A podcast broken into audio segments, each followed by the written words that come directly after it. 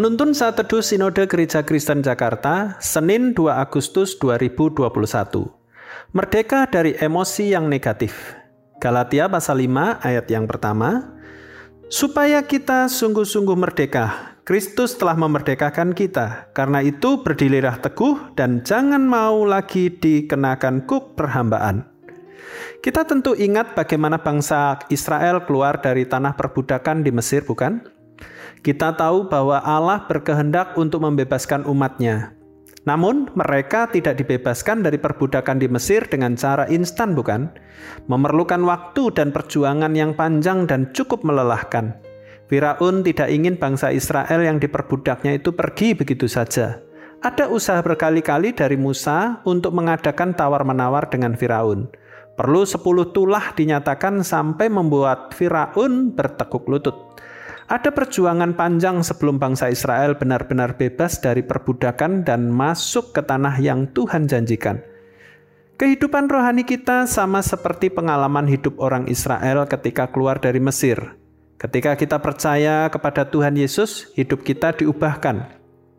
Meskipun keselamatan terjadi dengan seketika, dan suatu hari nanti ketika Yesus datang kedua kalinya, kita akan menerima janjinya untuk memperoleh hidup yang kekal sebab dosa kita telah dihapuskannya.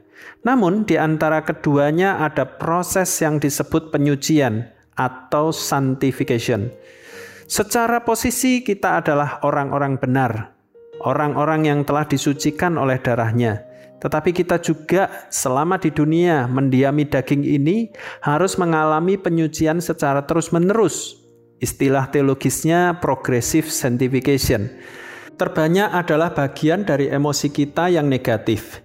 Kita harus bisa dengan pertolongan Roh Kudus menaklukkan kemarahan, kebencian, kekhawatiran, ketakutan, depresi, kecanduan, dan sebagainya yang memperbudak kita.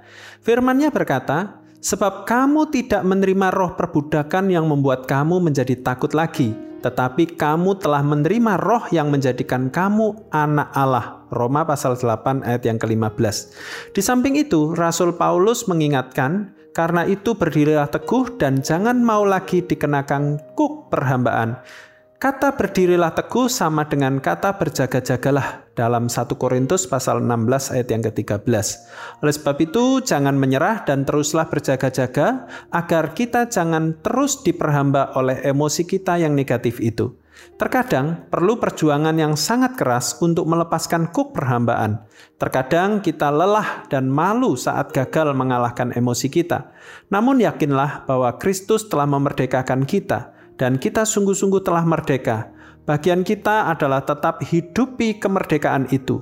Jadi, jika kita sudah pada posisi menang, posisi benar, posisi dikuduskan atau disucikan, maka seharusnya kita jangan mau dikenakan kuk perhambaan lagi. Teruslah berjuang, kita sudah menang dan kita pasti akan menang di dalam pimpinan Roh Kudus. Seorang yang telah merdeka tentu tidak mau lagi hidup sebagai budak, bukan? Jadi, sekali lagi, hidupilah kemerdekaan yang Kristus berikan dengan hidup sebagai orang-orang yang telah merdeka. Dengan kita terus berjuang untuk menghidupi kemerdekaan yang Kristus berikan, maka itu adalah bukti nyata kemenangan dari Allah ada di dalam kita. Tuhan Yesus memberkati.